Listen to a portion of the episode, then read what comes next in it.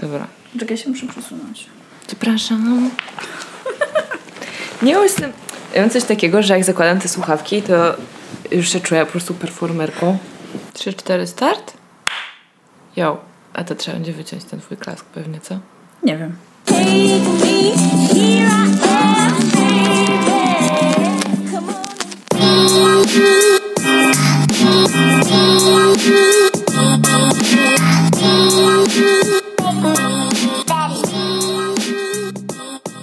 Cześć, ja jestem Zosia Cześć, ja jestem Ula. i to jest nasz podcast. Halo dziewczyny. Halo dziewczyny, sorry, zajęłam się zdejmowaniem włosa z mikrofonu. Ups. Ups. No cześć, e, słuchajcie, dzisiaj rozmawiamy o hajsie, O pieniądzach. o kasie, O kanapkach z masłem i z hajsem. z hajsem. Tak, bo e, jest to temat, jest to jeden z takich tematów, które chyba zapisałyśmy sobie na naszej pierwszej liście tematów dawno, dawno temu, jak e, wymyśliłyśmy nasz Podcast. podcast. i uznałyśmy, że teraz to jest czas na taki temat, że chcemy o tym porozmawiać, ponieważ jest koniec miesiąca. I część z Was w momencie, kiedy ten odcinek jest emitowany, albo jeszcze nie dostało pensji, albo już dostało pensję. Także temat hajsu jest bardzo aktualny dzisiaj. Temat hajsu jest aktualny zawsze, odkąd istnieje hajs. Tak, owszem, ale koniec miesiąca jest, jak wiadomo, takim newralgicznym momentem i pogadamy też trochę o tym, dlaczego u niektórych ten koniec miesiąca się zaczyna już w połowie miesiąca. Na własnych przykładach oczywiście. I w ogóle, jakie mamy podejście do pieniędzy, jak sobie radzić z tym tematem, and so on.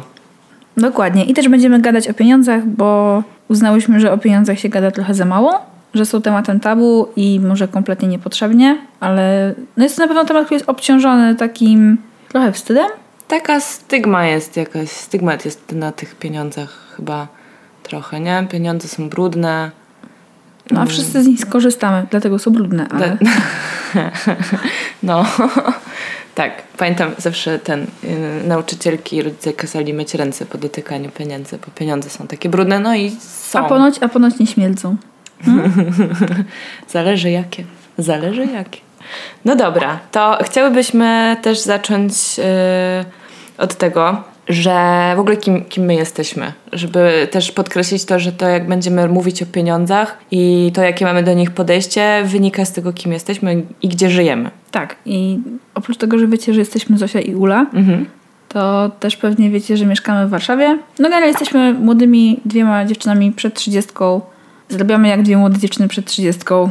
Nie mamy żadnych wielkich zobowiązań finansowych na sobie, typu rodzina, dzieci, kredyt, samochód. Mhm. Tak, utrzymujemy tylko siebie, jesteśmy odpowiedzialne finansowo tylko za siebie. Żyjemy też w miejscu, gdzie jest dużo okazji do wydawania pieniędzy i jest dużo pokus i obracamy się wśród znajomych, którzy mają pewien styl życia. Zapewne odmienny niż byłoby to w małym mieście czy na wsi, Czy 20 lat temu. czy no tak, tak, tak, zdecydowanie. Taki, Potem- taki disclaimer w ogóle, żebyście wiedzieli, z, Tak. czym, z czym przechodzimy. Tak, żeby potem nie sprawiać takiego wrażenia, że jesteśmy jakieś, nie wiem, rozwydrzone czy, czy coś w tym stylu. No, po prostu w takim miejscu jesteśmy, w takim czasie, w takim wieku. Elo. Dobra, koniec. To nasz rap, to nasza rzeczywistość. Rap akurat bardzo dużo mówi o pieniądzach. Cały czas w sumie o hajsie.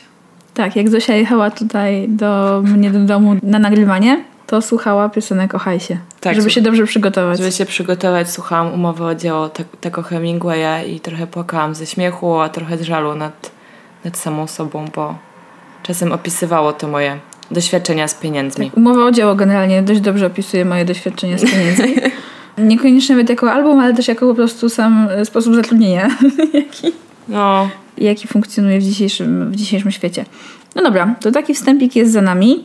Chociaż nie jesteśmy w tym momencie w stanie we dwie jakoś super rozkminić, dlaczego pieniądze są tematem tabu, bo to jest spuścizna wielu dziesiątek, jak nie setek lat mhm. po prostu naszego funkcjonowania w jakiejś rzeczywistości, to widzimy z naszych własnych doświadczeń, że o pieniądzach się albo nie rozmawia w ogóle, albo jak już o nich gadamy, to najczęściej narzekamy na to, jak mamy ich mało.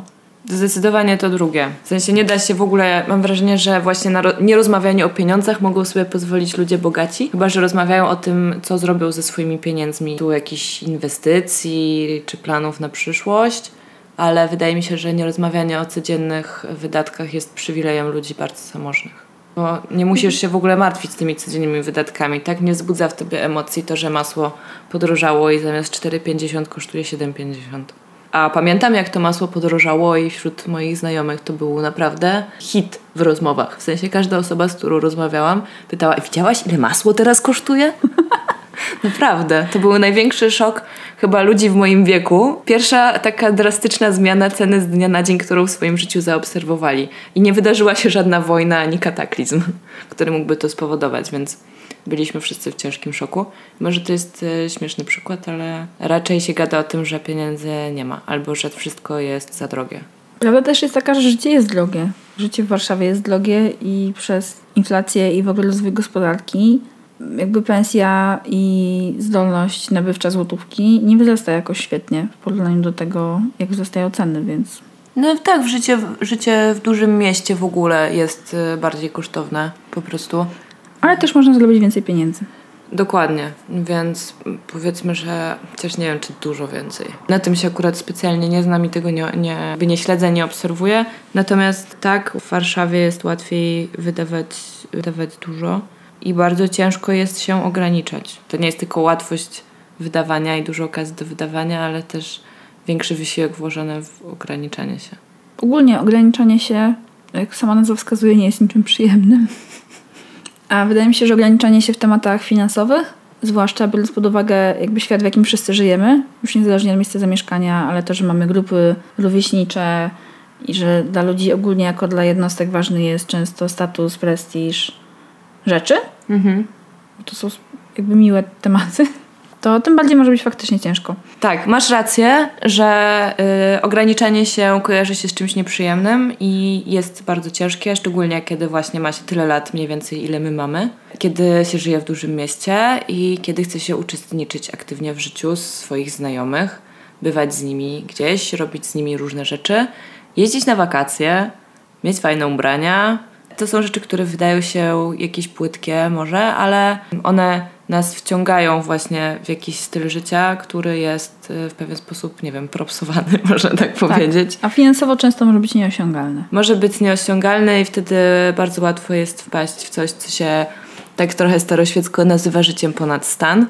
E, Jest to bardzo łatwe i konsekwencje tego potrafią być mm, dramatyczne, ale dużo ludzi w to wpada. Ja też w to wpadłam na wiele lat właściwie. Jakby presja społeczna, nie wiem, social media, których ostatnio jestem gigantycznym wrogiem, reklamy, które sprzedają e, nam marzenia, tak naprawdę, nie produkty. Czyli to, że jak będziemy mieli coś albo pojedziemy gdzieś, to będziemy jacyś, będziemy lepsi. Będziemy zaliczać się do, nie wiem, do jakiejś fajnej grupy ludzi, którzy też to mają. Po prostu sprawiają, że wiecznie mamy jakiś niedosyt i wydaje nam się, że te wszystkie rzeczy jak kupimy, to już będzie fantastycznie. Jak na te wszystkie rzeczy wydamy pieniądze, to wreszcie będziemy tym, kim chcemy być. Czyli na przykład, nie wiem, właśnie tą dziewczyną z Instagrama, która co weekend jest w Paryżu, w Berlinie, gdzieś tam, gdzieś tam, codziennie je na mieście i pije pyszną kawę z jakiegoś bardzo drogiego ekspresu, który właśnie sobie kupiła. Wylał się ze mnie hejt na Instagrama. Malujesz bardzo taki szczegółowy obraz. No po prostu maluję to tak, jak sama to odczuwam. Między innymi dlatego ostatnio usunęłam swoje konto na Instagramie, bo y, nie chcę w tym uczestniczyć i jest mi trudniej ograniczać się właśnie i oszczędzać, kiedy mam te wszystkie obrazy przed oczami, więc postanowiłam się od nich odciąć i to jest bardzo przydatne w ogóle. Jeśli ktoś z Was ma taki problem i czuje, że wszystko, co ogląda, wpędza go w kompleksy, nie ma żadnego obowiązku uczestniczenia w tym takim targowisku próżności, jaki się odbywa na Instagramie. Są tam super kanały, które można obserwować i z których można bardzo dużo wynieść, ale większość to jednak jest shit. No i tak, i zamiast gadać o kasie, gadam o Instagramie, ale myślę, że to ma akurat bardzo dużo wspólnego też ze względu na to, że na Instagramie jest masa reklam, które jeszcze w dodatku są dostosowane do tego, co obserwujesz, więc najczęściej proponują Ci produkty, o których możesz natychmiast zacząć marzyć. No tak, na pewno ten cały temat aspiracji tak? i sprzedawania marzeń jest łatwiejszy dzięki mediom społecznościowym. Tak, więc to jest na pewno, to jest na pewno coś, co sprawia, że y, ograniczanie się, oszczędzanie, nie wiem, jest trudne, a wydawanie pieniędzy to jest po prostu jak stryknięcie palcami i natychmiast się pojawia frustracja, kiedy nie masz już tych pieniędzy do wydania. Ja się zgadzam z tym, że wydawanie pieniędzy może być często przyjemne, ale może też budzić bardzo dużo lęków. Na przykład? U mnie na przykład budziło dużo lęków. Jak ja zaczęłam wydawać pieniądze, takie swoje, to byłam bardzo zestresowana tym, że ja wydaję te pieniądze i ja te pieniądze będę miała tylko raz. I że ja na pewno chcę je wydać. I to z kolei powoduje paraliż decyzyjny i kwestionowanie wartości każdej rzeczy. Zajmuje po prostu za dużo czasu. W sensie ja nie mam tyle czasu, żeby to rozkminiać. Mhm. I w którymś momencie, jak byłam młodsza i zaczęłam zarabiać pierwsze pieniądze i miałam je wydawać, to po prostu nie umiałam tego zrobić. Myślę, że pierwsze, pierwszy kontakt z własnymi pieniędzmi powoduje coś takiego. Ja też tak miałam, a potem stałam się osobą straszliwie rozrzutną, potwornie rozrzutną. I, natomiast tak, pierwsze pieniądze to jest akurat dosyć urocza anegdotka. Jak byłam mała, miałam, nie wiem, może z 7 lat, dostałam od mojej mamy 10 złotych. I poszłam z moim dziadkiem, byłam nad morzem, poszłam z moim dziadkiem do takiego fantastycznego kiosku z zabawkami i pamiątkami, żeby sobie coś za te pieniądze kupić, ale koniecznie chciałam kupić coś za złotówkę, żeby zostało mi jeszcze 9 złotych, bo nie chciałam się rozstać z tymi pieniędzmi. I jak dowiedziałam się, że za złotówkę można kupić tylko piłeczkę kauczukową, to się potwornie rozpłakałam, bo nie chciałam wcale piłeczki kauczukowej, chciałam coś super. Okazało się, że te rzeczy, które są super, są poza moim zasięgiem finansowym, a nawet jeśli są, no to muszę poświęcić całe 10 zł na przykład. Albo połowę, tam 5 zł. Też nie chciałam tego robić. Więc nie, nie pamiętam, czy w ogóle nie oddałam tych pieniędzy. Nie, jakby nie poradziłam sobie z tą sytuacją. W ogóle nie, już nie pamiętam zakończenia tej historii, ale pamiętam ten smutek, kiedy dowiedziałam się, że złotówka jest tak niewiele warta. Ja akurat jak byłam dzieckiem, to oceniłam wartość złotówki, ale dlatego, że moja babcia, kiedy zostawiałam ja i mój brat cioteczny u niej na weekend, a to się zdarzało praktycznie co weekend, to nam dawała na przykład po dwa złote i każdy z nas mógł zagospodarować je tak, jak chciał. A trzeba było je wydać, czy można było je odłożyć? Nie, nie było obowiązku ich wydawania, ale i tak je wydawaliśmy. Oczywiście. Szliśmy do osiedlowego sklepu na dole w bloku. Zjeżdżaliśmy windą na parter, szliśmy do osiedlowego sklepu i mój brat nigdy nie miał problemu z tym, co miał kupić, bo zawsze kupował wszystko błyskawicznie. Ja to długo rozkminiałam i jakby zastanawiałam się, czy mogę kupić na przykład małą paczkę lejsów, bo one wtedy kosztowały 90 groszy albo złotówkę. I wtedy za drugą złotówkę zdaję sobie paczkę ciastek albo ciastka na wagę. I w ogóle i byłam zawsze bardzo z tego zadowolona. Mój paraliż decyzyjny nie miał wcale miejsca, kiedy miałam tam 7, 8, 10 lat, tylko kiedy miałam lat 19, 20. Kiedy faktycznie już miałam pracę i zaczęłam jakby mieć regularnie przychód. No ale to też były pieniądze, które musiałaś wydać tak, żeby ci starczyło na te rzeczy po prostu, które musisz płacić. Tak rozumiem? Tak, ale ja nie umiałam wtedy wydawać na przyjemności pieniędzy, które zrobiłam. Umiałam wydawać na przyjemności pieniądze, które dostawałam, na przykład na wszystkie urodziny do tej pory i tak dalej, ale nie umiałam wydawać pieniędzy na przyjemności, które zrobiłam na początku. Miałam z tym straszny problem. Wynikający z tego, jak byłam wychowana po prostu. No właśnie, bo to chyba, chyba czas najwyższy o tym pogadać, że często to, jakie mamy podejście do pieniędzy, chyba najczęściej wychodzi z domu jednak. No, wynosimy to z domu. Że tak, jeżeli ktoś żył w rodzinie, gdzie faktycznie oglądano każ- każdą złotówkę z każdej strony i pieniędzy było mało i trzeba było je jakoś rozsądnie rozdysponować, to taka osoba raczej y, chyba nie będzie w stanie się wyzbyć tych, tego, tego sposobu myślenia. Nie mówię o tym, że potem będzie każdą złotówkę oglądać z każdej strony przez całe życie, ale że zawsze będzie miała z tyłu głowy to, że, że pieniądze mają swoją wartość, trzeba je szanować i po prostu trzeba mieć głowę, kiedy się je wydaje.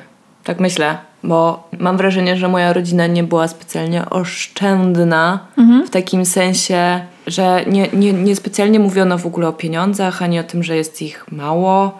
I wiem, że nie było dużo, ale jeździliśmy na wakacje i, i na narty i dostawaliśmy nowe ubrania i na święta dostawaliśmy zabawki. Jakby nie było takiego poczucia, że nie ma kasy.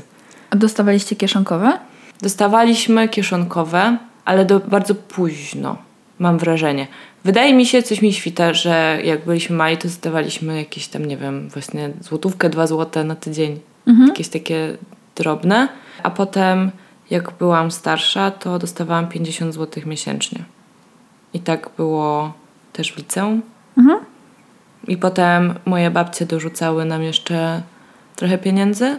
No więc tak myślę, że nie wiem, że ze stuwa miesięcznie się uzbierała. I już wtedy w liceum czy w gimnazjum bardzo źle już nimi zarządzałam. Mhm. Jak byłam mała, dostawałam te drobne pieniądze i właśnie tak w wczesnym wieku się dowiedziałam, że za złotówkę niewiele kupię. To miałam świnkę skarbonkę i faktycznie Każde drobne tam wrzucałam, pieniądze z urodzin. Jakby I dokładnie wiedziałam, ile tam mam pieniędzy. Raz rozsypałam sobie te pieniądze na biurku, żeby policzyć i nie zdążyłam tego sprzątnąć, wyszłam z pokoju, wróciłam i od razu patrząc na ten stół widziałam, że brakuje 5 złotych. Że brakowało monety 5 złotowej, Wow. bo wiedziałam ile mam monet 5 złotowych, więc wyszłam z awanturą po prostu. Ja mam trójkę rodzeństwa, więc każdy był podejrzany. Wyszłam, wyszłam z awanturą, że kto mi zabrał 5 złotych? Mój brat mówi, no ja wziąłem, ale miałaś tak dużo pieniędzy na, na biurku. A on no, jest młodszy ode mnie, więc dla niego wtedy to po prostu była góra złota, to co tam na, na moim biurku leżało, a to było raptem 70 złotych. No więc jakby z jakiegoś powodu jako dziecko byłam takim troszkę dusi groszem, a potem chyba właśnie w związku... Zrekompensowałaś to sobie? Tak, chyba sobie to zrekompensowałam. Też poszłam do szkoły prywatnej, gdzie ludzie po prostu mieli dużo większe kieszonkowe i wydawali tych pieniędzy dużo więcej, kupowali sobie codziennie batony w sklepiku. Zaczęło się wtedy liczyć to, jakiej marki kto nosi ubrania. Okazało się, że to, co ja mam, to, co moi rodzice są w stanie mi dać, czy chcą mi dać, nie wystarcza, żeby y, dołączyć do tej grupy ludzi, która mi się wtedy najbardziej podobała. Po prostu byli to ludzie zamożni. I myślę, że od tej pory zaczęło się moje fatalne, od, od tego właśnie, od tej chęci aspirowania do czegoś, do jakiegoś stylu życia, zaczęło się moje fatalne zarządzanie pieniędzmi, które w sumie trwa do dziś, ale się staram. Ale to jest bardzo ciekawe, co mówisz. I taka gruba autorefleksja. Ale wiesz, że dopiero teraz do tego doszłam? Bo za, zaczęłam się... Ale do tego doszłaś. mówiąc to, zaczęłam się zastanawiać, dlaczego jak byłam mała, to nie wydawałam pieniędzy. Co trochę jakby zaprzecza temu, że się to tak bardzo wynosi z domu, że nie tylko. W sumie w tym okresie dojrzewania, kiedy największym autorytetem dla ciebie nie są już twoi rodzice, tylko Tak, twoi grupa znajomi, No. to, to zostało ze mną, akurat to zostało ze mną do dzisiaj. Wow, Hashtag deep. very deep. Ale dobrze to wiedzieć, no. No jasne. Myślę, że w ogóle dobrze wiedzieć, dlaczego wydajemy pieniądze i czego się spodziewamy po wydawaniu pieniędzy.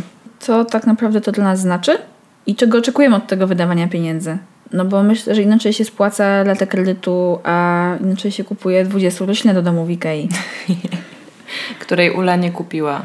Tak, kupiłam trzy inne w zamian za to. No, widzisz, na przykład to pokazuje, że ja sobie często pieniędzmi różne rzeczy rekompensuję. Mhm.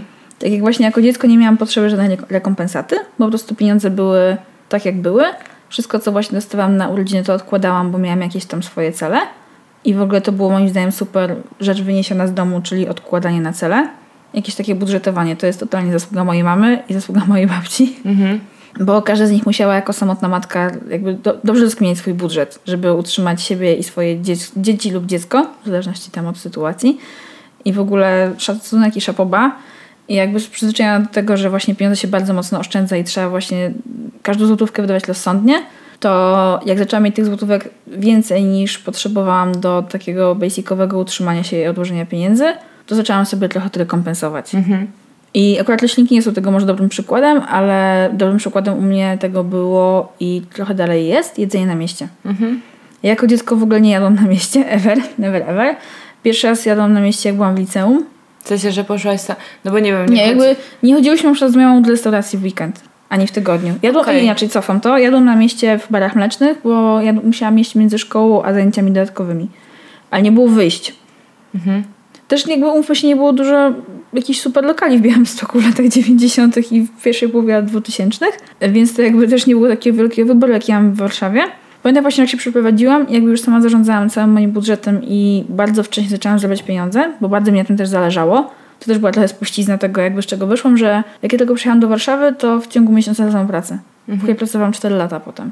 Od razu, jakby to był no ja chciałam mieć pieniądze dla siebie, więc jedyną opcją, żeby mieć pieniądze dla siebie nie było, nie wiem, prosić mamę, ani coś, tylko oczywiście mama tak mi pomagała finansowo.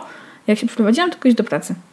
No, No i właśnie za tą kasę sobie, na początku miałam straszny problem z jej wydawaniem, bo o mój Boże, co to będzie, jak ja wydam tą złotówkę. I właśnie u mnie z kolei moja grupa rówieśnicza, ci moi znajomi mnie trochę do tego przekonali. Że jakby wydawanie pieniędzy raz na jakiś czas jest w porządku i nie ma co się spinać. I że to jest okej, jak możesz sobie na to pozwolić, to nie jest jakaś przesada, a ja w którymś momencie troszeczkę podam w przesadę. Ale to już też trwało kilka lat. Na pewno moje, moje podejście do pieniędzy też się zmieniło, kiedy zaczęłam się spotykać z chłopakiem, który wtedy ja nie miałam w ogóle pracy, a on miał pracę, więc miał pieniądze i wynajmował mieszkanie i tak dalej. I pamiętam, że wkrótce po tym, jak zaczęliśmy się spotykać, dostałam pracę, swoją pierwszą i zaczęłam dostawać pensję i po prostu to było wow.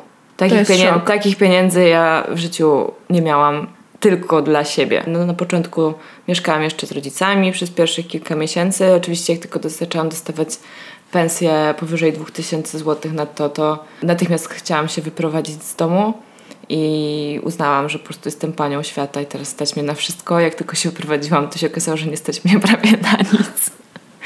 W każdym razie pamiętam, że zanim, y, że, że zanim miałam pracę, jak jeszcze byłam studentką, to na przykład nigdy nie wracałam z imprez taksówką do domu. Ja miałam kartę miejską, którą opłacałam z pieniędzy moich rodziców co miesiąc. I to było normalne, że ja wracam do domu nocnym autobusem.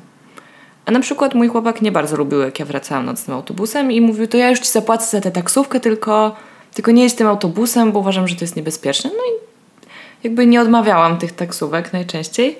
I przyzwyczaiłam się do tego i teraz niechętnie zmierzam na nocny autobus. Myślę, że nie jestem w stanie sobie teraz przypomnieć, kiedy ostatnio nim jechałam. Było to już dłuższy czas temu. Było to pewnie jeszcze w tym roku, ale było to tylko raz, myślę. Albo to właśnie jedzenie na mieście. No w ogóle nie jadłam, nie, jakby chodziłam czasem z rodzicami do restauracji, ale żeby samej wydać pieniądze na mieście na jedzenie było mi i tak szkoda. że Dla mnie to był najgłupszy wydatek. Mieć jedzenie w domu i wydać y, na mieście dwa razy więcej niż to, ten posiłek mógłby cię kosztować.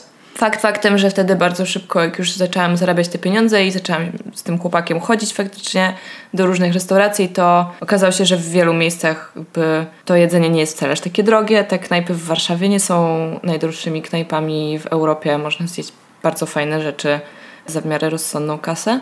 Ale kiedy robisz to często, no to to jest olbrzymi wydatek. Dokładnie tak. Wszystkie takie wydatki niepozorne, po prostu jak je sobie sumujesz w skali miesiąca, to wychodzą z tego duże kwoty. Otóż to. I właśnie pamiętam ten pierwszy szok, kiedy nagle mi się skończyły pieniądze. Tak chyba po półtora tygodnia od kiedy dostałam pensję, a mieszkałam jeszcze wtedy z rodzicami. I tylko to była jeszcze ta mała pensja stażowa, nie? Ale mimo wszystko, no to było ponad tysiąc złotych. No tak. I pamiętam, że ty mi wtedy zadałaś pytanie, jak ja to zrobiłam i ja nie miałam pojęcia. I po prostu musiałam wejść na moje konto i no faktycznie, no kupiłam sobie buty, poszłam do kina, byłam pięć razy w tygodniu w knajpie, zamówiłam jedzenie jeszcze do domu i poszłam na imprezę i Nie ma. 1200 zł to jednak nie jest tak dużo, jak się okazuje. Więc y, strasznie łatwo jest w to wpaść, strasznie łatwo jest wydawać pieniądze, których się tak naprawdę nie ma. Zwłaszcza, że jakby, tak jak powiedziałeś na początku, do tego sprzyja też to, że nie mamy za dużo zobowiązań. Więc w Otóż ogóle to. łatwo się wydaje na siebie, bo też chcesz się rozpieścić, też jak masz ciężką pracę, to chcesz, żeby ci potem było dobrze, a jakby nie ma prostszego sposobu niż wydawanie pieniędzy, nie? Dlatego chyba karty kredytowe cieszą się taką popularnością, no bo e, kochamy wydawać pieniądze, których nie mamy. A w sumie podstawą jest wydawanie mniej niż się zarabia.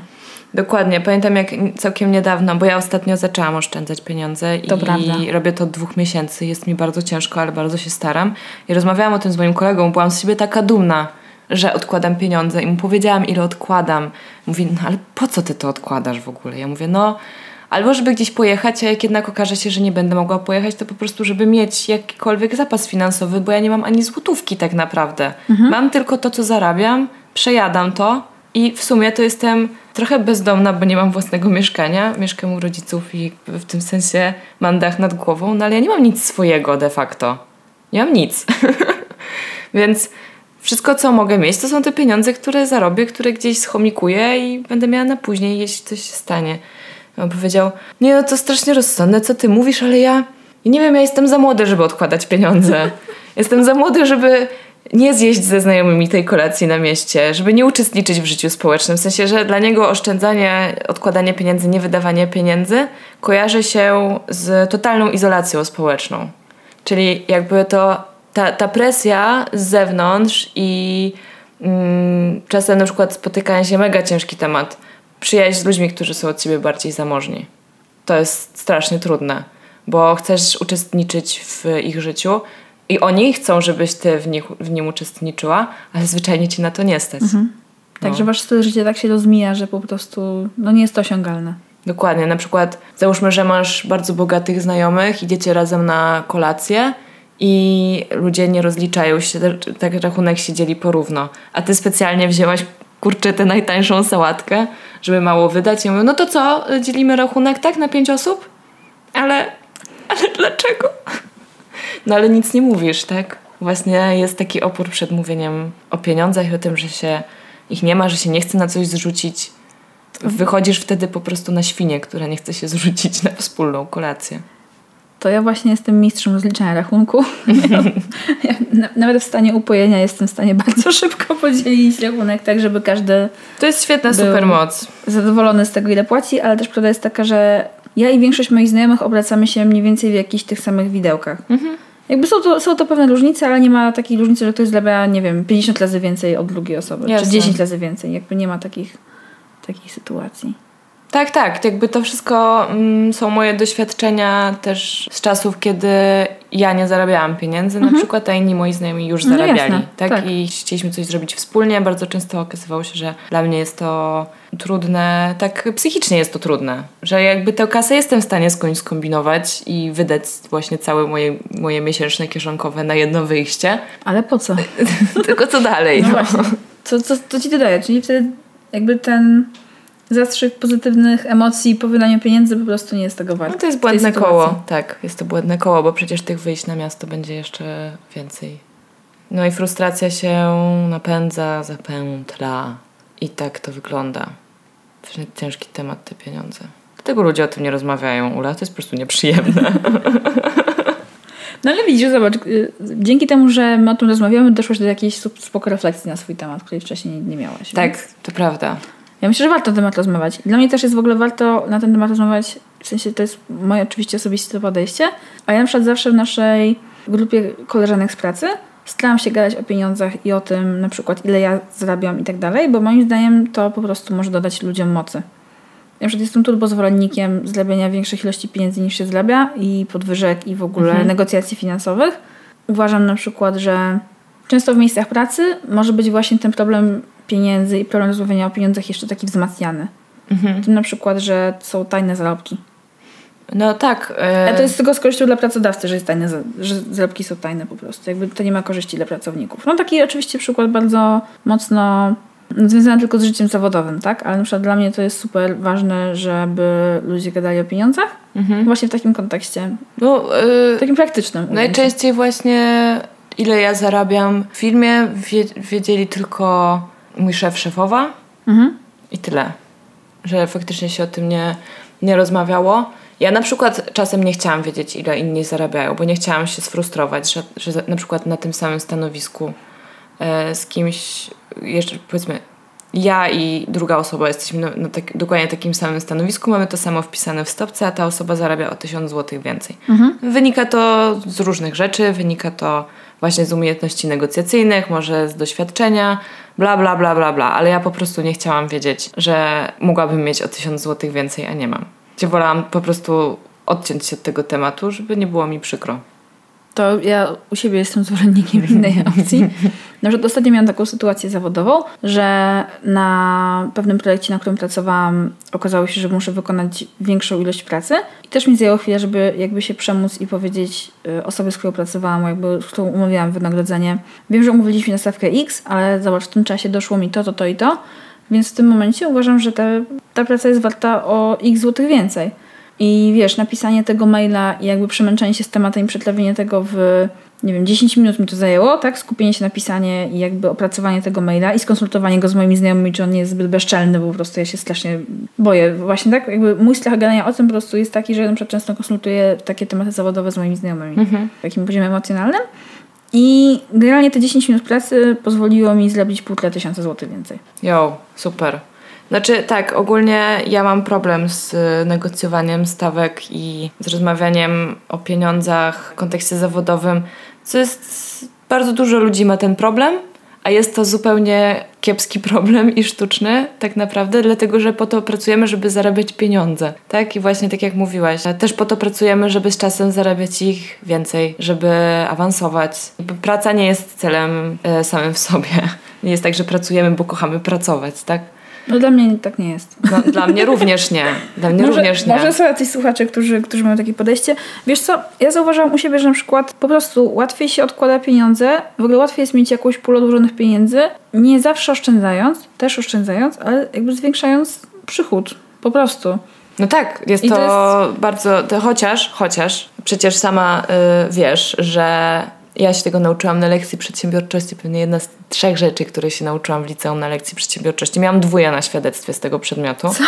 Tak, bo po prostu na niego nie chodziłam i jakby nie zdałam jakiejś klasówki. Nieważne. Okej. To wynikało z mojego niedbalstwa, a nie z No. tego, że byłam taka tempa z przedsiębiorczości. Po prostu w ogóle mnie to nie obchodziło. Mhm. I nie chciałam na te lekcje chodzić. Głupia Zosia. Nie no, W- w w każdym- takie preferencje, no. No, po coś te lekcje były. W każdym razie, Okej. w każdym razie, jedna z nielicznych rzeczy, jakie zapamiętałam, która mnie straszliwie wtedy zdziwiła, a potem odkryłam, że ma to gigantyczny sens, to jest to, że im więcej zarabiasz pieniędzy, tym więcej wydajesz. Tak? Czasem zwiększenie przychodów wcale nie oznacza więcej oszczędności. Oczywiście, Tylko oznacza po prostu więcej ciuchów, więcej kolacji na mieście, więcej wakacji. Zgadzam się W tylko moim z tą przypadku to tak zawsze wyglądało. Po prostu jest tysiąc złotych więcej, ale w tym zawsze było takie postanowienie. Dobra, pierwszą pensję, taką super dużą, fajną, nową, rozwalam totalnie co do złotówki, potem zaczynam oszczędzać. Każdy miesiąc wyglądał tak samo. A dlaczego w ogóle miałaś taką myśl, żeby pierwszą pensję od razu rozwalić? Ktoś mi to kiedyś powiedział. A że pierwszą pensję trzeba rozwalić? Że tak, tak, Okej. dokładnie, że pierwsza pensja y, powinna zostać po prostu w całości wydana, tak na zasadzie, wiesz, takiego folgowania sobie, że patrz, to w ogóle są twoje pierwsze pieniądze, uczciwie zarobione i po prostu Jazda. jazda tak? A potem, a oszczędzać będziesz później. Jest Ale to bardzo, okrutne. Jest to bardzo głupia rada, ale wielu dorosłych ludzi mi to powiedziało. Ale to jest okrutne, bo przecież po tym miesiącu przyzwyczajasz się do tego, że jest tak super, a potem ma być tak Otóż gorzej. to. Przecież to jest... No nie ma to sensu, Ciężkie. ale bardzo się przywiązałam wtedy do tej myśli. Ja pamiętam, że miałam też taki swój przesąd, powiedzmy, związany z tą pierwszą pensją. Ja chciałam sobie za pierwszą pensję kupić bardzo ładną filiżankę. Nie pytaj dlaczego, bo ja nie lubię filiżanek. Jak dzisiaj zresztą o tym gadałyśmy przed... przed y, Czy to jest ta filiżanka, którą mi nie, zaproponowałaś? nie, filiżanka, którą ci zaproponowałam do kawy, którą jest z Ikei, kosztowała pewnie 12 zł czy 10, nie wiem, cokolwiek. Nie, chciałam właśnie, dlaczego sobie tej filiżanki nie kupiłam? Bo sobie ubzdurałam, że sobie kupię filiżankę taką jakąś ładną, jakąś porcelanową z tego. Dlaczego filiżankę? Nie mam pojęcia. Ale prawda była taka, że u mnie przez wiele lat pracy zawodowej nie pojawiło się coś takiego jak pierwsza pensja. A. Bo ja w mojej pracy rozliczałam się na No tak. początku za akord, a potem na godzinę i rozliczałam się w bardzo krótkich wrzutach terminowych, czyli nie dostawałam jednej pensji na miesiąc i nie musiałam zarządzać miesięcznym budżetem, tylko zarządzałam bardziej budżetem tygodniowym, a czasami nawet dniowym. Po prostu ta sytuacja mnie zmusiła do odkładania jakiegoś bieżącego, żeby było mnie stać na czynsz na wynajmowane mieszkanie, albo żeby było mnie stać na nie wiem, jedzenie, kartę miejską, soczewki kontaktowe, cokolwiek. Ale to marzenie z filiżanką trwało. Mhm. Więc ja potem myślałam, że dobra, no to jak potem pójdę do takiej prawdziwej pracy i będę miała tu umowę o pracę, to sobie kupię tą filiżankę. No i Nie miałaś umowy o nigdy pracę. nie miałam umowy. Potem byłam na staży, więc myślę, dobra, no to jeszcze nie jest taka prawdziwa pensja, no to to jeszcze to nie kupię z tej filiżanki. A potem to marzenie o tej filiżance po prostu mi minęło, bo zakumałam, że w sumie to jest jakiś taki chyba symbol, do czego dążyłam, a on jest w ogóle absolutnie właśnie bezpodstawny. Ja totalnie potrzebuję jednej filiżanki nie do kompletu. Mhm. Do niczego. To jest ładna historia. Pamiętam, że wiele rzeczy, czy nie, nie, nie będę w stanie teraz powiedzieć, co, co dokładnie to było, ale wiele takich przechodzonych marzeń Mhm. właśnie odpuściłam, bo, bo, bo je przechodziłam. Tak? Dokładnie. Że, że, że będzie lepszy moment finansowy żeby na, na to, żeby coś tam sobie kupić, czy gdzieś tam pojechać i, i ten moment nigdy nie nadszedł. A pojawiły się oczywiście inne przedmioty, inne rzeczy, które sobie kupiłam. Że w zeszłym roku, kiedy zrezygnowałam z samodzielnego mieszkania, bo naprawdę nie było mnie na to stać i ponieważ w ogóle, właśnie w ogóle nie potrafiłam zarządzać swoimi pieniędzmi, to się kończyło tak, że pół miesiąca nie jadłam, bo jadłam ryż z sosem sojowym, który uwielbiam, ale nie jest to pożywne danie. I wróciłam do mieszkania z rodzicami i rekompensowałam sobie te kilka miesięcy naprawdę trochę, trochę głodowania i trochę takiego ciułania rokiem wydawania. Do niedawna naprawdę wydawałam dużo pieniędzy na te wszystkie rzeczy, których przez te, nie wiem, dwa i pół roku e, wynajmowania mieszkania nie mogłam sobie pozwolić. Mhm. Typu właśnie nowa kiecka, nowe No tak. buty, kosmetyki, nie najtańsze z Rossmana, tylko jakieś lepsze. Weekend gdzieś tam, wiesz, wyjazd do Szwecji. No, rzeczy, na które cię w sumie nie, nie stać tak na co dzień. A też jakby najważniejsze jest to, że nie miałam właśnie żadnych oszczędności, tylko to było wszystko rzeczy, które, na które wydawałam z pensji miesięcznej. No i, i trochę mi ten okres minął i mam takie poczucie, że zrekompensowałam sobie już wszystko, co mogłam. Okej. Oczywiście- Czyli się zas- zaspokoiłaś jakąś tam... Tak, tak, że coraz częściej mam tak, że myślę, że coś potrzebuję, a potem stwierdzam, że nie. I to właśnie nie jest przechodzone marzenie, tylko Zidentyfikowana potrzeba? mniej, mniej więcej kilka dni mi zajmuje dojście do tego, że właściwie nie chcę tego, czy nie, nie muszę tego mieć i nie będzie mi przykro, jak nie będę tego miała. No i zaczęłam, i zaczęłam wreszcie oszczędzać. Zaczęłam wreszcie oszczędzać, zaczęłam kontrolować, ile wydaję. Nie lubię tego robić, ale trochę się w to wkręciłam. Jest to moje nowe hobby w pewnym sensie. Po prostu też znalazłam na to sposób, który mi odpowiadał. Zanim przejdziemy na chwilę do tego, jak w ogóle zaczęłyśmy kontrolować to, ile wydajemy pieniędzy, bo wydaje mi się, że to jest w ogóle super dobre ujęcie, fajne, to chciałam jeszcze zakończyć chwileczkę ten temat tych yy, nagradza, nagradzania siebie. Bo jestem ogromnym zwolennikiem nagradzania siebie, ale w jakiś taki rozsądny sposób. Typu właśnie zbieranie na cele. Typu celem są wakacje, zbierasz na wakacje. Wydaje mi się, że wtedy odkładanie tych pieniędzy jest dużo, dużo łatwiejsze. Bo możesz się zwizualizować siebie na plaży pod palmą albo nie wiem, tam w śniegu, co Tak. tam wolisz i tak dalej. I myślę, że to ma ogromną moc. A jeszcze mi się przypomniało, że jak nie wiem, tam z 6-7 lat temu miałam taką fazę na minimalizm właśnie, to przeczytałam coś takiego, że jak chcesz coś bardzo kupić, to sobie to dodaj do zakładki i zobacz, czy po dwóch dniach będziesz o tym pamiętać. I myślę, że to była taka totalnie głupiutka internetowa rada, która mimo wszystko bardzo pozwoliła mi ograniczyć takie konsumpcyjne marzenia o rzeczach, które są mi kompletnie niepotrzebne. Jasne. Ale będę, że kupiłam wtedy też jakąś paskę na jakimś tam, nie wiem, Etsy, czy na jakimś takim polskim wzorcowni, czy tam, nie wiem, jak się nazywają te sklepy, którą założyłam dwa razy, ona się zniszczyła, wydałam 60 zł i powiedziałam, o nie. To jak ja już po prostu zobaczyłam coś na obrazku i chcę to kupić i ja to kupuję i dosłownie starczyło mi tej ilości na 3 dni, to to nie jest tego warte. Przykrość. Straszna przykrość. Powiem Ci, że ja akurat ze względu na swoje podejście do przemysłu modowego i w ogóle, nie wiem, do, nie jestem gadżeciarą, staram się jak najrzadziej wymieniać telefony, czy jestem zdeterminowana, żeby dbać o ekologię i o środowisko. To takich rzeczy, rzeczy, takich, właśnie to jest takie śmieszne, mam takie strasznie durne te wydatki zawsze, że bardzo rzadko kupuję właśnie, nie wiem, jakąś tam zbędną bluzkę, na to nie wydam pieniędzy nigdy w życiu. W ogóle nie kupię tak taniej bluzki z tak taniego sklepu typu H&M, bo uważam, że ta bluzka została wyprodukowana przez niewolników i po prostu nie zamierzam brać w tym udziału. Ale potem potrafię, wiesz, pójść do Contigo i za 150 zł nakupić kremów, maseczek ekologicznych przecież. Więc, yy, więc tak, więc mm, nie, właśnie jeszcze to są przecież rzeczy, które się bardzo szybko zużyją. Tak. Tak, no właśnie, te, te takie te pieniądze pójdą w moją skórę. Spoko, no. No właśnie, i to jest właśnie moim zdaniem do pewnego momentu oczywiście, kiedy nas na to stać i faktycznie sprawia nam to jakąś przyjemność, a nie jest zaspokajaniem czegoś innego tak naprawdę, w sensie jakiejś tam innej potrzeby, a po prostu w taki sposób, to, to jest spoko, no bo umówmy się, no przecież jakby w ogóle wydaje mi się, że najgorsze, co można zrobić w relacji z pieniędzmi, to mieć pieniądze dla samego posiadania pieniędzy. Bo jakby umówmy się, pieniądze to jest po prostu kawałek papieru, który my się umówiliśmy, że mały kawałek brązowy ma 10, wartość 10 zł, a większy różowy ma wartość 20. Przecież to nie ma sensu. Zawsze, Jakby- n- tak, a zawsze najbardziej mnie jednak do dzisiaj zadziwiają cyferki na ekranie komputera. Tak. To jest wi- wirtualny, to jest wirtualny portfel dosłownie. Zupełnie wirtualne pieniądze w wirtualnym portfelu, do którego tylko ja mam klucz. Tak. Śmieszne. Śmieszne. telefonu komórkowego, żeby było śmiesznie najczęściej. No i A właśnie, one, one ważą, wiesz, od jakości twojego życia, te cyferki na tym ekranie. Tak, ale portfelu. tego wszystkiego właśnie dla samych cyferek po prostu wydaje mi się, że się mija z celem. Że właśnie też pieniądze są po to, żeby no żeby je wydawać. Napędzajmy gospodarkę zasiastą kapitalistyczną. Kapitalizm. No. Eee, no tak, ale to może o tym kiedy indziej, bo to, to już jest w ogóle smutny temat. Tak. Ale y, skoro już doszliśmy właśnie do tego, że obydwie jakoś w miarę umiemy odkładać pieniądze, to możemy się podzielić swoimi y, mi, mini poradami, chociaż Ula na pewno ma dużo większe doświadczenie w tym. Jestem totalnie początkująca, jeśli chodzi o odkładanie pieniędzy. Jakby sama koncepcja jest mi znana od zawsze.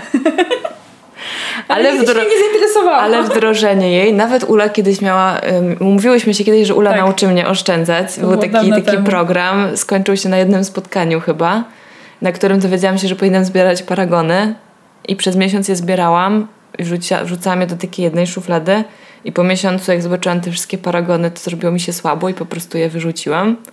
E, ogólnie to była metoda, do której ja się kompletnie nie nadaję.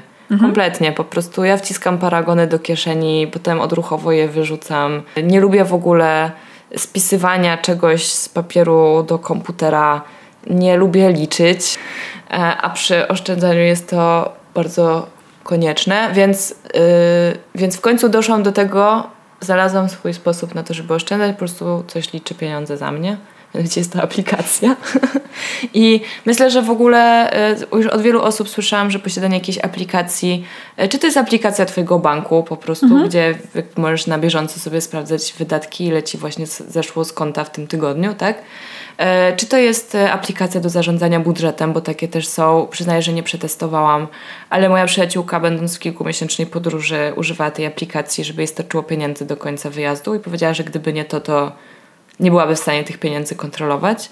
Że warto sięgać po takie narzędzia i po prostu ułatwiać sobie tym życie. Jak nie jesteś dobry w matmę, albo po prostu cię to nie, nie, nie, jakby nie interesuje, nie bawi, A wręcz stresuje. a wręcz stresuje. Jest masę narzędzi, które zrobią to za ciebie i jedyne co ty musisz robić to patrzeć i używać swojego mózgu. Wyciągać wnioski z tego, co w tej aplikacji widzisz. To jest wspaniałe. Ja na przykład teraz mam dwie karty. Zupełnie jedna jest bankowa, a druga jest, y, to jest karta Revolut, więc ona jakby nie należy do żadnego banku. Ponoć płyną z niej jakieś benefity, głównie przy podróżowaniu. Jeszcze nigdzie z nią nie podróżowałam, więc jeszcze nie byłam w stanie tego sprawdzić. Natomiast ta karta Revolut służy tylko i wyłącznie do moich kaprysów, właśnie jedzenia na mieście, kina, imprezy, okazjonalnie jakiegoś, nie wiem, kosmetyku czy ubrania. A na drugiej karcie, na koncie bankowym są wszystkie twarde, ważne pieniądze. Wszystkie rachunki do opłacenia, kredyt na komputer, karta miejska, pieniądze do wydania na lekarza, na terapię, jakby to wszystko jest na innym koncie. I z tego konta wypłacam gotówkę, jakby, jak, jeśli potrzebuję. Więc y, na razie jakby testuję to od miesiąca, super to, super to działa. Aplikacja też mi jakby, ja sobie mm, na to konto przelałam jakąś konkretną kwotę pieniędzy z założeniem, że tyle chcę i mogę sobie pozwolić na to, żeby wydać na głupoty tyle w tym miesiącu. I ona mi podzieliła tę kwotę y, przez ilość dni, jaką ma miesiąc. Okej.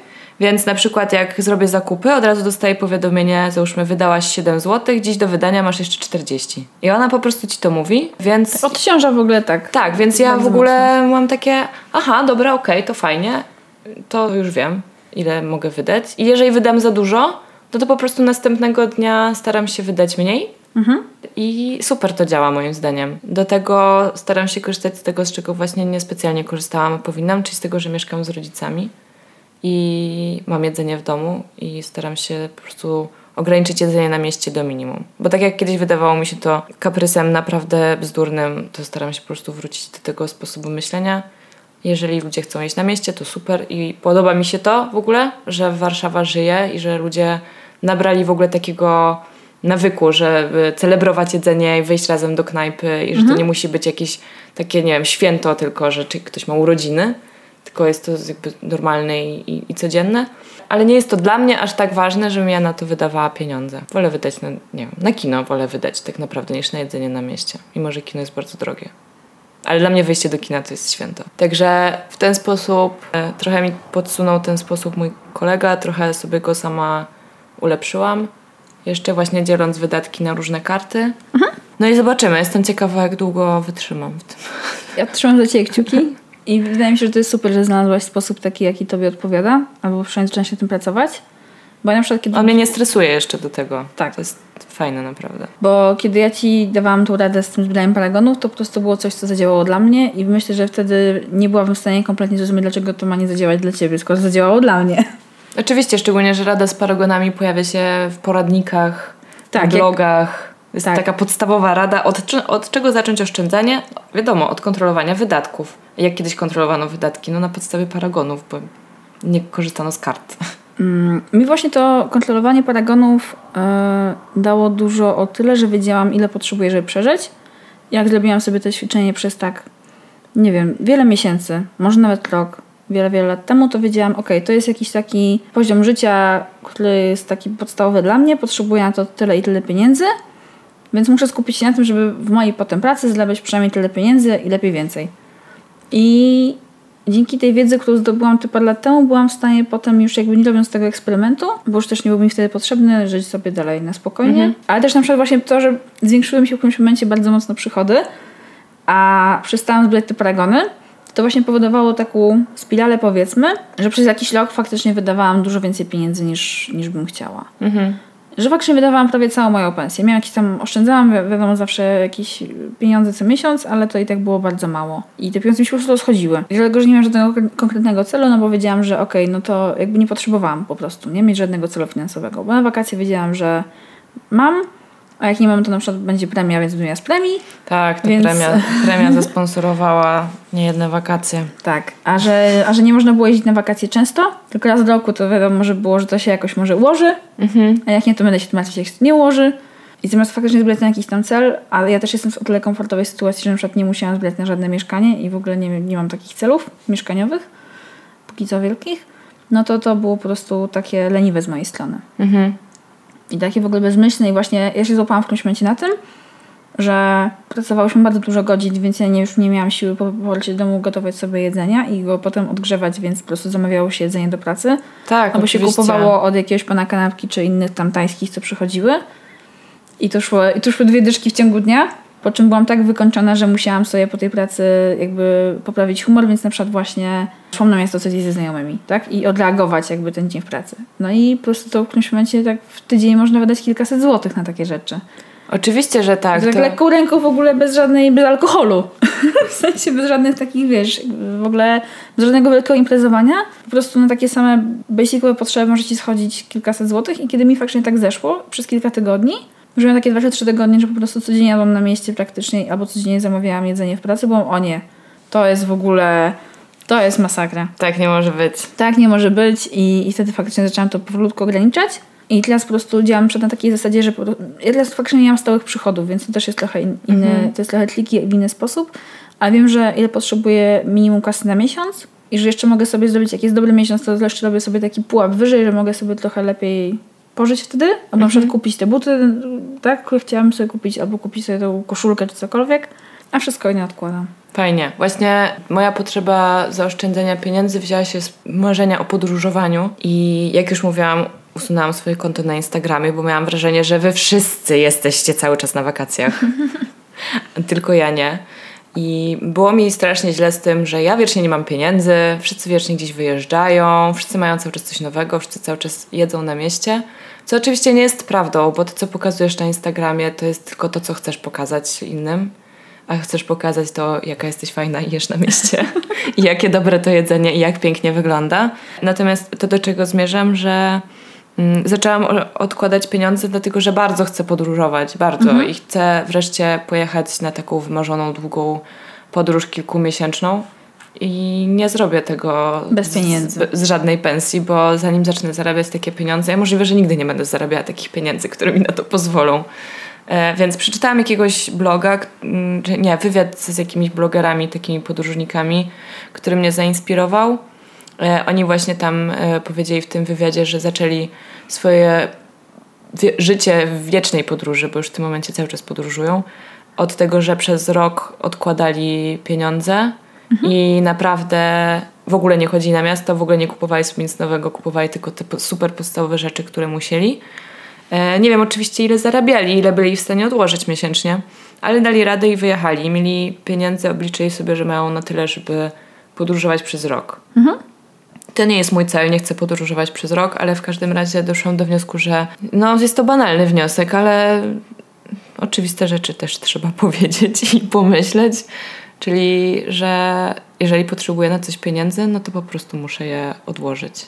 Jakby one z nieba nie spadną i skoro je zarabiam, to mogę zdecydować o tym, co z nimi zrobię i właśnie tak zdecydowałam. Super. Ja tak miałam przed moją pierwszą podróżą, taką większą, jak miałam tam, nie wiem, 19-20 lat. Też właśnie oszczędzałam każdą kasę z tej pracy pierwszej na tą podróż. Jeszcze dostałam właśnie trochę kasy od mojej rodziny, na jakiś tam plecak buty wyjazdowe, także było super. I potem myślałam, dobra, no to jak zarabiałam tam te śmieszne pieniądze i tutaj mnie stać, żeby pojechać na dwa miesiące za granicę, No to co, jak ja będę jeść, jak ja będę miała więcej pieniędzy? Ale będzie, ja nie mogę. Tylko standardy się zmieniają E, podróżowania. No i właśnie. I wiecie, przyspieszcie parę lat później, tak? Miałam tam 25-6 lat, zarabiałam trzy razy więcej niż w mojej pierwszej pracy. I nigdzie nie jeździłam za bardzo, Mm. tak? W sensie pojechałam na jakieś tam wyjazdy, ale to były takie, wiecie, tygodniowe, dwutygodniowe urlopy, a nie żadne wielomiesięczne podróże. Oczywiście. I też musiałam faktycznie w końcu na taką podróż znowu się miesięczną wybrać, żeby pokazać, okej, czyli ja jednak mogę mieć te pieniądze i jakoś wyjeżdżać, tylko po prostu nie w tym systemie, w jakim operuję do tej pory. Mhm. Właśnie nie przy tej ilości, nie wiem, no konsumpcji po prostu, poziomu konsumpcji, do jakiego się przyzwyczaiłam, tak? Z, tego, z tej wygody też, z tego dostępności tego i po prostu z tego nagradzania się, no takiego zbędnego po prostu w moim wypadku. No tak, no tak jak mówiłaś, yy, generalnie samodyscyplina jest po prostu kluczem. Tak, i jest bardzo trudna. Jest I ja, trudna. ja nie jestem absolutnie mistrzem samodyscypliny, jestem bardzo daleka od tego. Jestem, po prostu mam biały pas w samodyscyplinie, a nie czarny, czy tam, nie wiem, taki pierwszą belkę, whatever, nie wiem, jak jest, ta metafora sportowa jest nietrafiona, jak zwykle. Um, Nie znamy się na sporcie. nie znamy się na sporcie. Ja znam mnóstwo osób, w mojej rodzinie są wszyscy bardziej oszczędni niż ja. Wszyscy. Ja jestem po prostu rozpuszczonym, rozrzutnym bachorem mojej rodziny na przykład, tak? A na tle moich przyjaciół i znajomych na przykład radzę sobie zajebiście z pieniędzmi, co jest w ogóle... Tak, zawsze strasznie podziwiam. Ja w ogóle zawsze podziwiałam ludzi oszczędnych. Miałam jeszcze taką myśl jadąc do ciebie właśnie, że, że oszczędzanie generalnie nie jest fajne. Tak w sensie wizerunkowo nie jest fajne i mimo, że ja zawsze podziwiałam ludzi, którzy oszczędzają, to właśnie są tacy ludzie tak jak, jak mój kolega, tak, który uważa, że oszczędzanie jest po prostu lamerskie. że oszczędzanie nie jest dla fajnych ludzi i te jakby zawsze mnie bawiły te reklamy banku ING, które próbowały odczarować ten właśnie wizerunek osoby oszczędnej, że właśnie ten, kto oszczędza, to jest ten, kto się śmieje ostatni i to jest ten, kto kiedyś będzie miał lepiej, więc warto o tym zacząć myśleć. A dużo ludzi ma z tym problem i właśnie najważniejsze jest to, żeby było fajnie tu i teraz, a jak będzie kiedyś, przecież to tylko pieniądze. No i właśnie, i to jest ciekawa myśl, bo moim zdaniem w ogóle oszczędzanie i posiadanie pieniędzy jest bardzo relatywne i totalnie zależy od punktu siedzenia. Mhm. Bo ja pamiętam sytuację, że jak nie wiem, miałam na koncie 6-7 stów, to się czułam po prostu jak pan życia, Oczywiście. pani życia, życia, śmierci, czegokolwiek, po prostu wow, mam 7 stów na koncie, no to jazda, będzie zajebiście. Będzie świetnie, będę się super bawić i w ogóle. A teraz jak na przykład mój stan konta spada poniżej pewnej kwoty, na przykład zaczyna oscylować w tym momencie, to pokazuje, okej, Tak. już nie mam pieniędzy. Tak, dokładnie. To jest, to jest ciekawe, co mówisz. Rzeczywiście ja też tak mam, że kiedy widzę na przykład, że zostało mi 600-700 zł, to myślę, o dobra, teraz trzeba zacząć się pilnować. No kurczę, gdzie te pieniądze wszystkie wsiąkają? Moja przyjaciółka kiedyś wymyśliła, że powinno być tak, że każdy ma drzewko, które obradza pieniędzmi. I po prostu masz tyle pieniędzy, jak bardzo dbasz Jak o w to Simsach. drzewko. Dokładnie jak w Simsach. W Simsach było takie drzewko. Było takie drzewko Mhm, z ale w jakimś pieniędzmi. dodatku potem, albo w trójce. No zawsze o tym, o tym pieniężnym drzewku marzyłyśmy i, i pewnie jest to takie marzenie mm, proste i dziecinne, które pojawia się głównie w momencie, kiedy człowiek jest bardzo zmęczony pracą i jeszcze wcale nie dostaje za tą pracę bardzo dużo pieniędzy i czuje, że ogólnie morale mu spada. Powiedziałaś właśnie, że to są tylko pieniądze. Ja? Powiedziałam to z ironią. Rozumiem, a ja przed kiedyś myślałam, że właśnie to są aż pieniądze i miałam turbo emocjonalny do nich stosunek. I też mnie jeden szef w mojej pierwszej pracy nauczył, że pieniądze płyną. I teraz jest ich więcej, teraz jest ich mniej, ale są tylko pieniądze. Wiadomo, że pieniądze są ważne, ale nie są najważniejsze, są bardzo daleko na jakiejś najważniejszych rzeczy w życiu. U niego, przynajmniej wtedy. I ja w ogóle nie mogłam tego skminić. Ja myślę sobie, ziomek, przecież tu pracujemy, jesteśmy w pracy. To jest jeszcze jego firma, to była firma jego, jego wspólnika. Jak w ogóle możesz o tym myśleć w ten sposób? Zauważyłam, że odkąd ja zaczęłam myśleć o tym, że pieniądze to jest po prostu przepływ i nie można wszystkiego dusić i chomikować, tylko one muszą jakoś płynąć, tak jak u Ciebie mogą, to wtedy po prostu ja się już tak nie ciśnieniuję, ja się nie stresuję i też tych pieniędzy po prostu może przybywać, bo ja już się na nich tak bardzo nie skupiam. To może brzmi bardzo metafo- metafizycznie, nie wiem, ale moim zdaniem jest w tym jakiś sens. Spoko, kiedyś zrobimy 6-0 Ula? Pewnie nie. Najgorsze jest to, jak jakieś przeczytałam, że w ciągu życia przeciętny Polak wydaje około miliona złotych na jedzenie. To jest coś, co mnie tak wkurza. Bo w ogóle wydawanie pieniędzy na jedzenie strasznie mnie irytuje. Ale możemy o tym porozmawiać zupełnie kiedy indziej. Je- Jedzenie też rośnie na drzewach. Jedzenie rośnie na drzewach, tak. I tu akurat można, można dbać o swoje jakieś, nie wiem, kurcze grządki na balkonie i faktycznie mieć z tego jakieś pomidory. No dobra, bo jakby og- ogólnie obydwie doszłyśmy do tego, każda w swoim czasie, ty wcześniej, ja później, że oszczędzanie jest w porządku i warto mieć parę dodatkowych złotych na koncie i nie wszystko wydawać i ogólnie rozsądnie podejmować różne decyzje finansowe. Natomiast y, jest masa ludzi, którzy uważają inaczej i wcale nie mają zamiaru w ten sposób żyć, więc y, warto po prostu to uszanować chyba i nie próbować ich na siłę nawracać, Na bo pewno. może mieć to odwrotny zupełnie efekt. Ja super do tego zachęcam, ale jak widzę, że ktoś nie chce, no to Ja się staram do tego nie zachęcać, ale ja też na przykład wiem, że w sensie do oszczędzania staram się jakoś Mhm. bo nie zachęcać, po prostu, bo nie chcę być jakimś tam kaznodzieją, po prostu Znaczy tak, przemądralcem. Bo, bo jakby też łatwo jest tam mówić, no nie? Mi też na przykład, ja kiedyś też miałam taką sytuację, że przez wiele miesięcy miałam dosłownie kilka złotych na koncie i to była super stresująca sytuacja. I też po prostu powiedziałam wtedy postanowienie, że już nie chcę być tak biedna, bo to po prostu powoduje mi taki dyskomfort, że nie mogę sobie niego pozwolić, bo po prostu zaczęły mi włosy wypadać ze stresu z głowy na przykład, nie? A nie z, i z niedożywienia na przykład. To jest bez sensu.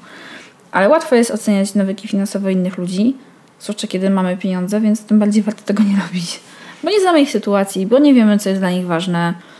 I warto się tego wystrzegać. Zwłaszcza jak ktoś na przykład ma więcej niż my i nam się wydaje, żebyśmy zarządzali tymi pieniędzmi lepiej.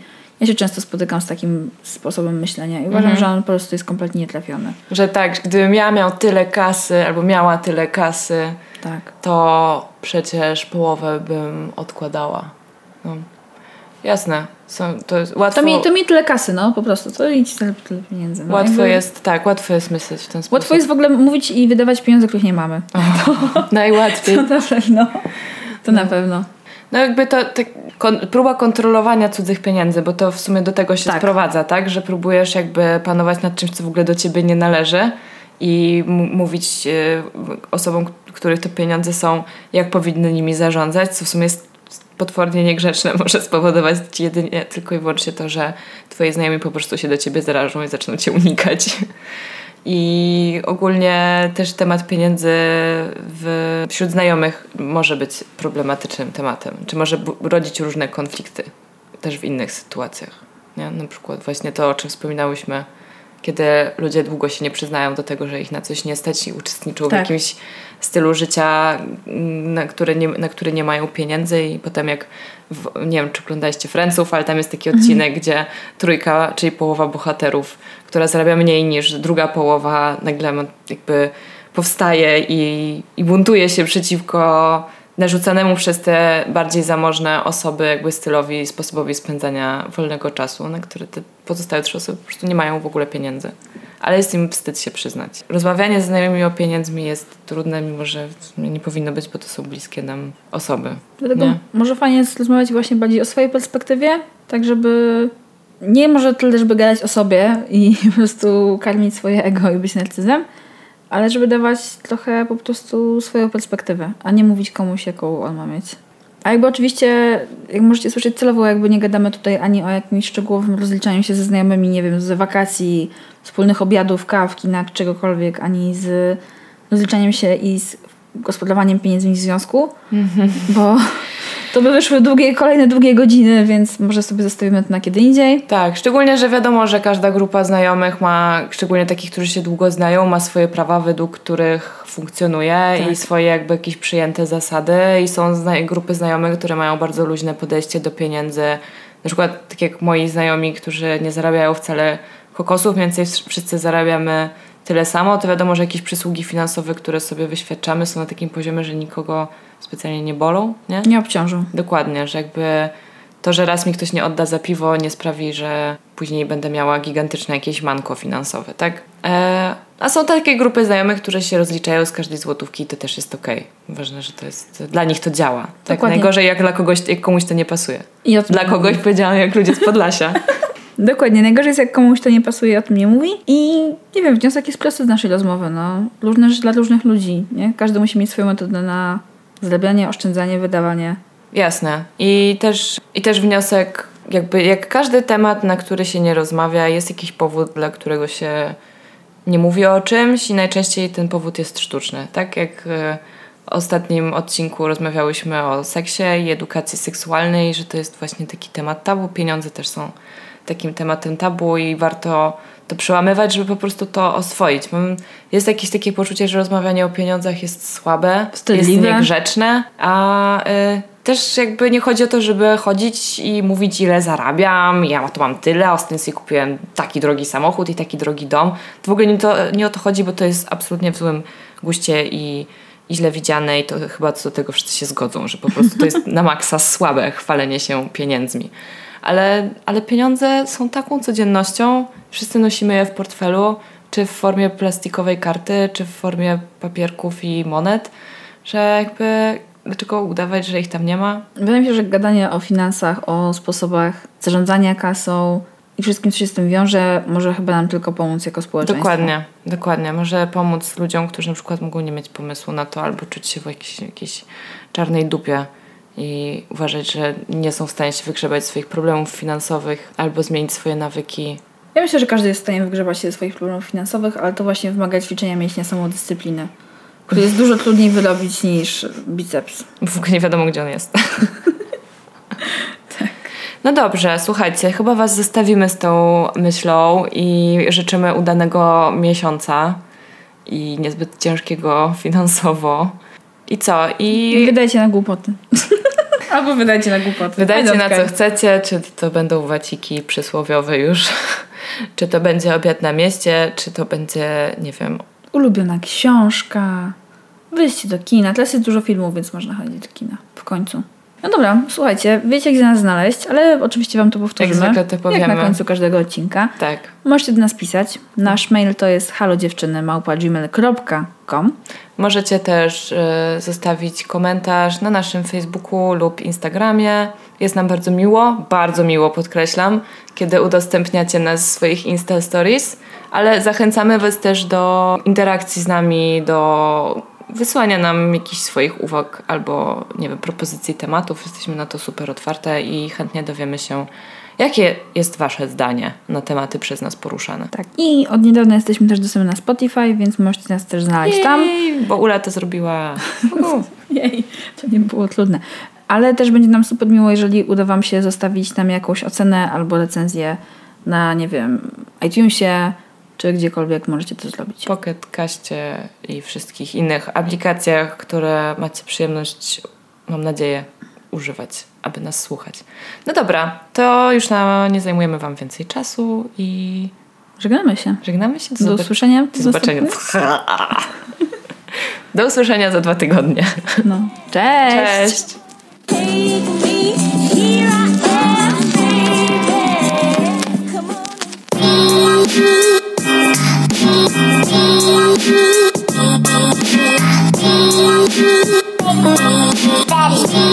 you.